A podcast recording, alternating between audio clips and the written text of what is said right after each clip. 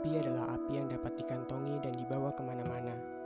Sebelum benda itu diciptakan, orang tertawa pada ide itu, sama seperti mereka akan tertawa jika seseorang hari ini menyarankan agar membuat